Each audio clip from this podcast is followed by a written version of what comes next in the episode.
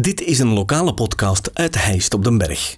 Uit het boek Ikke en de Sikke, in het Heists dialect geschreven door Eddy Keulemans en Sikke Ooms, worden korte verhalen in datzelfde dialect voorgelezen.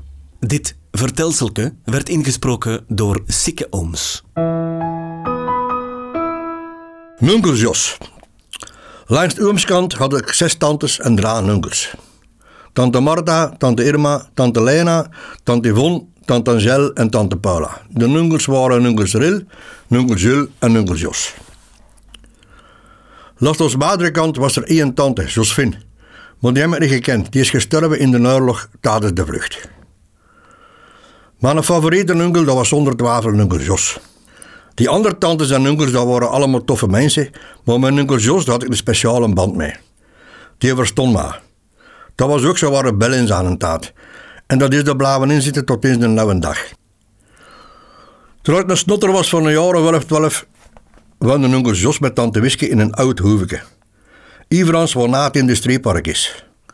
Over de Hoge Brug, rechtse weg en dan een kaarspoor in. Weer rechts en dan helemaal van achter, daar woonden ze. Jos was een vogelvanger, toen mocht dat nog. Ik weet nog dat de verschaaien later razend koud was op de Tindemans, omdat hij de vogelvangst afgeschaft had. Al goed dat er niet in de geburen van Nunkel Jos geweest is, want dat, dat is een beste dag niet geweest. Ik rijd dan s'morgens heel vroeg met mijn vluiken naar daar om mij in de hut te zitten om te loeren naar steek. Dat waren twee netten die met spanstokken opgeheven werden. Er zaten dan wel lokvogels in de kotteke en als er dan een klad vinken of zesjes op het steek vielen, dan trokken we een koer en die netten sloegen dicht. Dat was heel plezant, maar ik heb dan wel een paar keer een farm in die hut.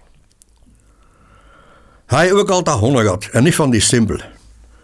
Hij ging met zijn honden naar de hondenplaan en hij speelde zelf op pas. Dan had men zo'n dik kostuum aan, gemokt van jutte zakken, en dan lieten die honden baden. Hij is eens een bouvier gehad, ik denk zelfs dat hij Belgisch kampioen mee gespeeld heeft. Dat was geen simpele hond. Normaal van mij zat hij in het planken te stoeven dat hem iedere hond wat ze kot kon halen. Ik liet hem maar doen, op den duur werd ik deze geblaas zo muug en ik reed ermee tot Banungeltjes. Dat kostte me eens laten zien wat voor een held dat hem was. We kwamen toe en ik laat de zaak wat aan een ungel. De bouvier zat in een kot in stal. En voordat we de stal binnengingen, beloofde onkel Jos met een maat 500 frank als we die beest wat er kot kreeg. Hij zei er nog bij dat hij mocht kiezen wat dat mij pakte. Een reeg, een schub, een zaas. Hij mocht kiezen. De deur van de stal weer open gaan en mijn maat met zijn geblaas, die durfde nog niet in de stal gaan. Onkel Jos had ook een fabriek met rotsjes en met reetvarkens en met goudvissen. Wat dat zelf wende was het heel leeg. En op een keer was de hele hof onder water gelopen. De vader was overgelopen en de vissen waren tot in de wintervuren van de plek gesuggeld. Dan stond er met een schepzak tussen de gewenten en dan kwam de mensen met een fluit dat strutje gereden. En die vroeg wat dat hem aan was.